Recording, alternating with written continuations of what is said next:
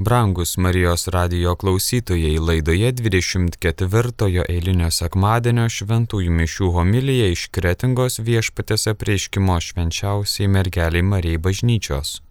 Homilija sako brolis pranciškonas kunigas Andrius Dobrovolskas.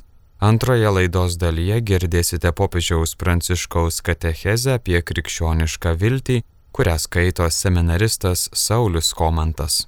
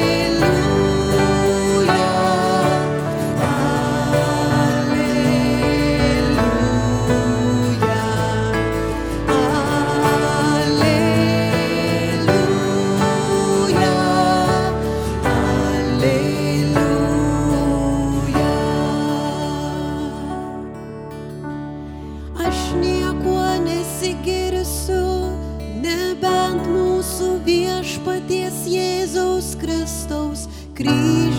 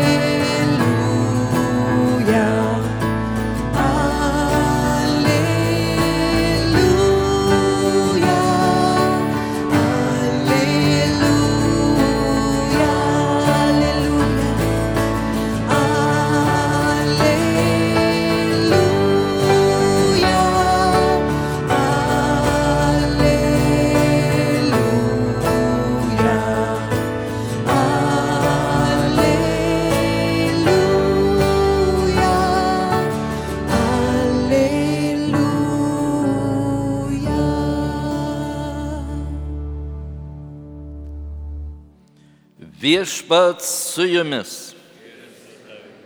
Pasiklausykite Šventojios Evangelijos pagal Morkų. Anu metu Jėzus su mokiniais keliavo į Pilypo Cezarėjos kaimus. Kelyje klausė mokinius.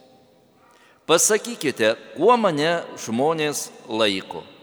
Jie atsakė, vieni jų nukrikštytojų, kiti Elyju, treti dar kuriuo iš pranašų. Tada jis paklausė, o jūs kuo mane laikote? Petras jam atsakė, tu esi Mesijas. Tuomet Jėzus griežtai sakė niekam apie jį nekalbėti ir jis ėmė juos mokyti, jog reikia, kad žmogaus sunus daug kentėtų, būtų seniūno aukštųjų kunigų bei rašto aiškintojų atmestas, nužudytas ir po trijų dienų prisikeltų. Jis tai kalbėjo visiškai tvirai. Tada Petras pasivadinęs į šalį ėmė drausti Jėzus atsigręžęs, pažiūrėjo mokinius ir subarė Petrą. Eik šalin, šetonė, nes mastai ne Dievo, o žmonių mintimis, pasišaukęs minę. Ir savo mokinius Jėzus prabilo, jei kas nori eiti paskui mane, teisi žada pats savęs teima savo kryžių ir teseka manimi. Kas nori išgelbėti savo gyvybę, tas ją praras. O kas pražudys savo gyvybę dėl manęs ir dėl Evangelijos, tas ją išgelbės. Ir dėjote viešpaties žodį.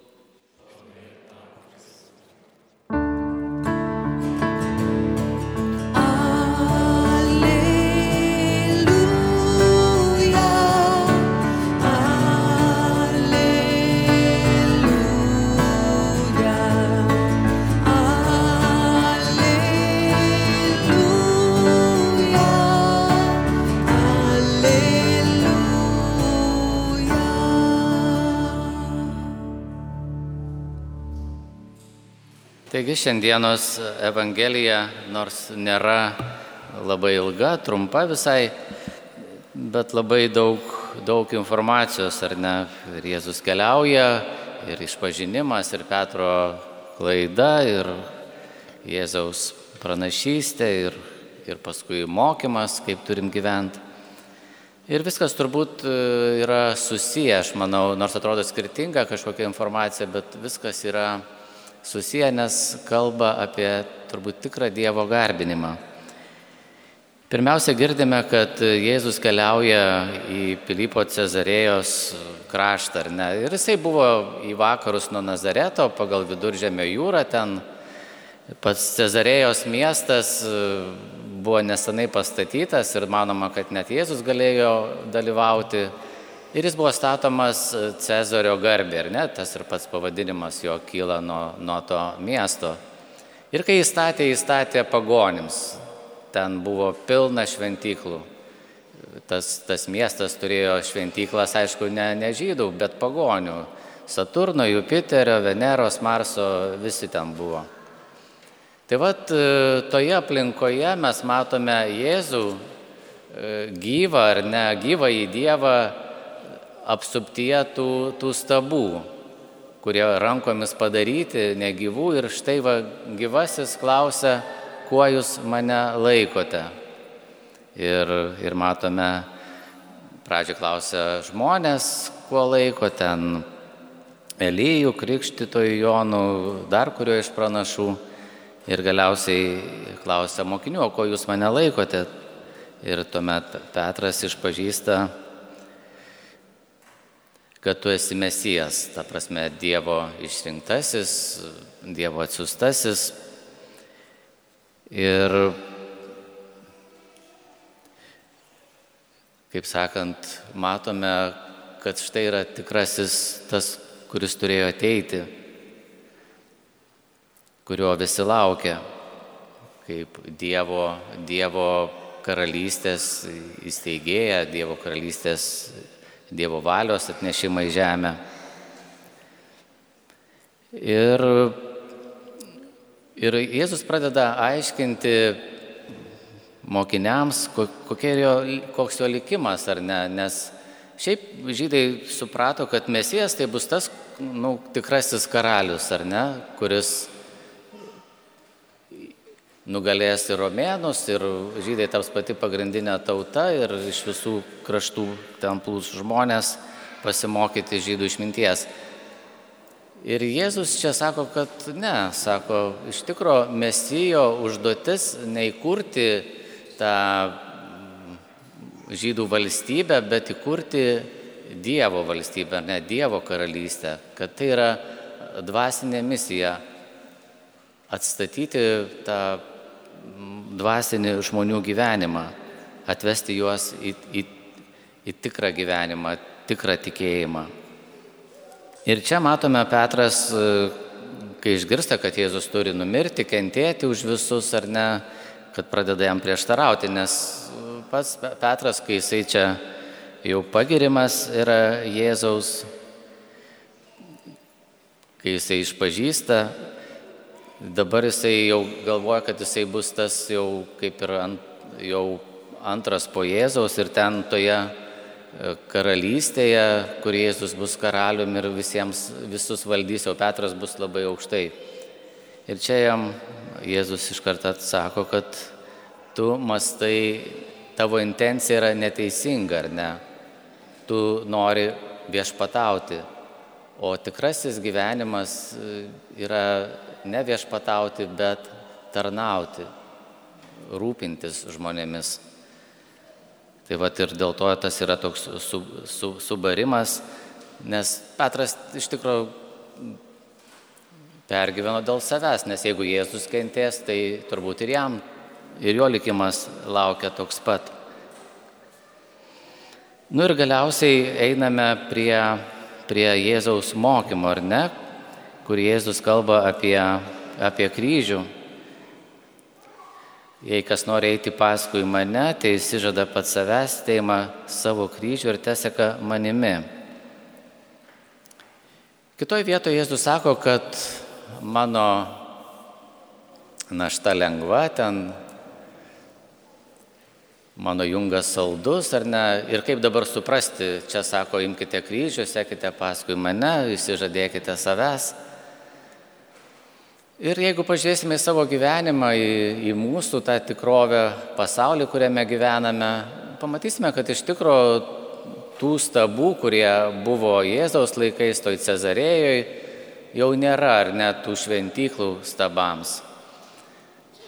Bet dažnai žmonės susiranda kitus stabus, kuriuos garbina, kuriems tarnauja ar ne. Evangelijoje Jėzus jau kalba apie tarnavimą pinigų ir ne mamonai, sako, negalite tarnauti dviem šeimininkams. Ar mamonai, ar Dievui turi tarnauti, turit pasirinkti.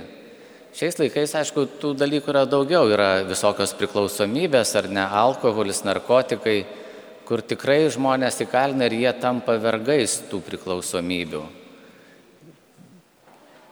Tų priklausomybių yra begalės ir tikrai kartais žmogus yra visiškai nelaisvas joms tarnaudamas. Ar tai būtų konsumerizmas, ar dabar tos naujos technologijos, visos smartfonai, tie išmaniai telefonai, kur vaikai jau nebe, nebeišlenda iš ten, jau nemato tos tikrovės, to pasaulio. Ir tikrai Dievas jau nėra pirmoji vieta. Aš nesakau, kad tos technologijos yra blogai, iš tikrųjų tikrai daug informacijos gali rasti ir apie tikėjimą labiau pasiekiamą, bet iš kitos pusės tai gali tapti tą mamoną, tas, tas stabas, kuriam žmogus gali pradėti tarnauti, vergauti. Tai vad, kai Jėzus sako, imkite kryžių, tai reiškia, kad Išsilaisvinkit iš tų priklausomybių, iš tos vergovės. Tapkite laisvi. Ir dėl to ta našta yra lengva, tas kryžius yra lengvas, nes kai tu išsilaisvini, tu tampi laisvų ir tikrai yra žymiai lengviau gyventi, kai nėra tos vergovės. Taigi šiandieną Jėzus iš tikro stovi kiekvieno mūsų širdyje. Jis yra kiekvieno mūsų širdyje, gyvasis Dievas ir mūsų klausia, kuo mes jį laikome, kas jis yra mums. Ar jis yra tas centras, tas mūsų širdise, ar, jis, ar ją mes tarnaujame, ar jį mes sekame. Taigi kiekvienas esame kviečiami šiandien Jėzaus tikrai atsisakyti visų stabų, visų priklausomybių ir, ir tikrai sekti juo, kad, kad tas mūsų pasaulis būtų gražus, kad tikrai, kaip, kaip kalba šiandien ir Jokūbas laiškė paštalas, kad tikrai galėtume pamatyti tuos mūsų mažuosius, kurie labiausiai kenčia, kurie labiausiai stokoja žmonės, kad, kad netaptume savanaudiški, kaip Petras atrodė Evangelijoje ar ne apie save galvojantis, kad matytume kitus žmonės ir kad tikrai tas ta Dievo karalystė auktų, kad įplėstųsi, kad įsitvirtintų mūsų, mūsų valstybėje. Mėlyjeji klausėmės 24 eilinio sekmadienio šventųjų mišių homilijos. Ja sakė brolis pranciškonas kunigas Andrius Dobrovolskas. Dabar kviečiame pasiklausyti popiežiaus pranciškaus katechezės apie krikščionišką viltį, kurią skaito seminaristas Saulis Komantas. Popiežius pranciškus Krikščioniškoji viltis. Viltis grindžiama Dievo žodžiu. Jau keletą savaičių apaštalas Paulius mums padeda geriau suprasti, kas yra krikščioniškoji viltis. Sakėme, kad čia kalbame ne apie optimizmą. Tai kitas dalykas. Apaštalas mums padeda tai suprasti. Šiandien jis tai daro išskirdamas dvi labai svarbias mūsų gyvenimo nuostatas.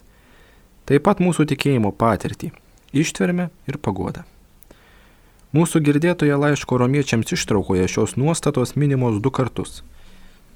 Pirmiausia, jos siejamos su raštais, po to su pačiu Dievu.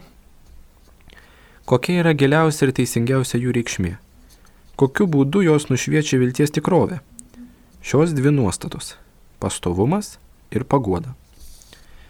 Ištvermę galime apibriežti taip pat kaip kantrybę. Tai gebėjimas pakelti, nešti ant pečių, išlaikyti, likti ištikimiems, Taip pat tuomet, kai našta atrodo tampa pernelyg sunki, nepakeliama, o mes patiriame pagundą apsispręsti neigiamai, palikti viską ir visus. O pagoda yra malonė suvokti ir parodyti Dievo buvimą ir užuojautos pilną kiek veikimą kiekvienoje situacijoje. Taip pat aplinkybėmis labiausiai paženklintomis atmetimo ir kančios. Šventasis Paulius primena, kad ištvermė ir paguoda mums ypatingų būdų perteikima per raštus. Tai yra per Bibliją. Iš tikrųjų Dievo žodis pirmiausia veda mus atgręžti žvilgsnį į Jėzų, geriau jį pažinti ir vis labiau jį panašėti. Antras dalykas - Dievo žodis mums atskleidžia, kad viešpats iš tikrųjų yra ištvermės ir paguodos Dievas. Jis lieka visada ištikima savo meilę mums. Tai yra ištvermingas meilė ir niekuomet nepaliaujantis mūsų mylėti. Jis yra ištvermingas. Jis mus myli visada. Jis mumis rūpinasi, sutvarstydamas mūsų žaizdas, savo gerumo ir gailestingumo glamonėmis, tuo, kad jis mus paguodžia. Jis niekuomet nesiliauja mūsų guodės. Šiuo požiūriu galima taip pat suprasti pradinį apaštalo teiginį. Mes stiprieji turime pakesti silpnųjų silpnybės, ne savo pataikauti. Šis pasakymas mes stiprieji gali atrodyti pretenzingas, tačiau pagal Evangelijos logiką žinome, kad taip nėra. Priešingai yra visai atvirkščiai nes mūsų stiprybė kyla ne iš mūsų, bet iš viešpaties. Kas savo gyvenime patiria ištikimą Dievo meilę ir jo paguodą, tas pajėgia ir net yra įpareigotas būti artimas silpnesniems savo broliams ir prisimti jų pažeidžiamumą. Jei esame artimi viešpačiui, turėsime jėgų būti artimi silpniausiems, vargingiausiems, kad juos paguostume ir suteiktume jėgų. Štai ką tai reiškia. Mes galime tai padaryti be pasitenkinimo savimi, jausdamiesi tiesiog kanalu, perteikiančiu viešpaties dovanas. Taip konkrečiai tampama vilties sėjėjų. Štai ko viešpas mūsų prašo šią galę ir gebėjimu paguosti - būti vilties sėjėjais. Šiandien reikia sėti viltį, tačiau tai nėra lengva. Šios gyvensenos vaisius nėra tokia bendruomenė, kurioje kai kurie žmonės priklauso pirmai klasiai tai yra stiprieji, o kiti antrai klasiai, tai yra silpnieji. Priešingai, kaip sako Paulius, tas vaisius yra tarpusavyje būti vienos minties Kristaus Jėzaus pavyzdžių. Dievo žodis maitina viltį, kuri konkrečiai reiškiasi dalymusi bei tarnystę tarpusavyje.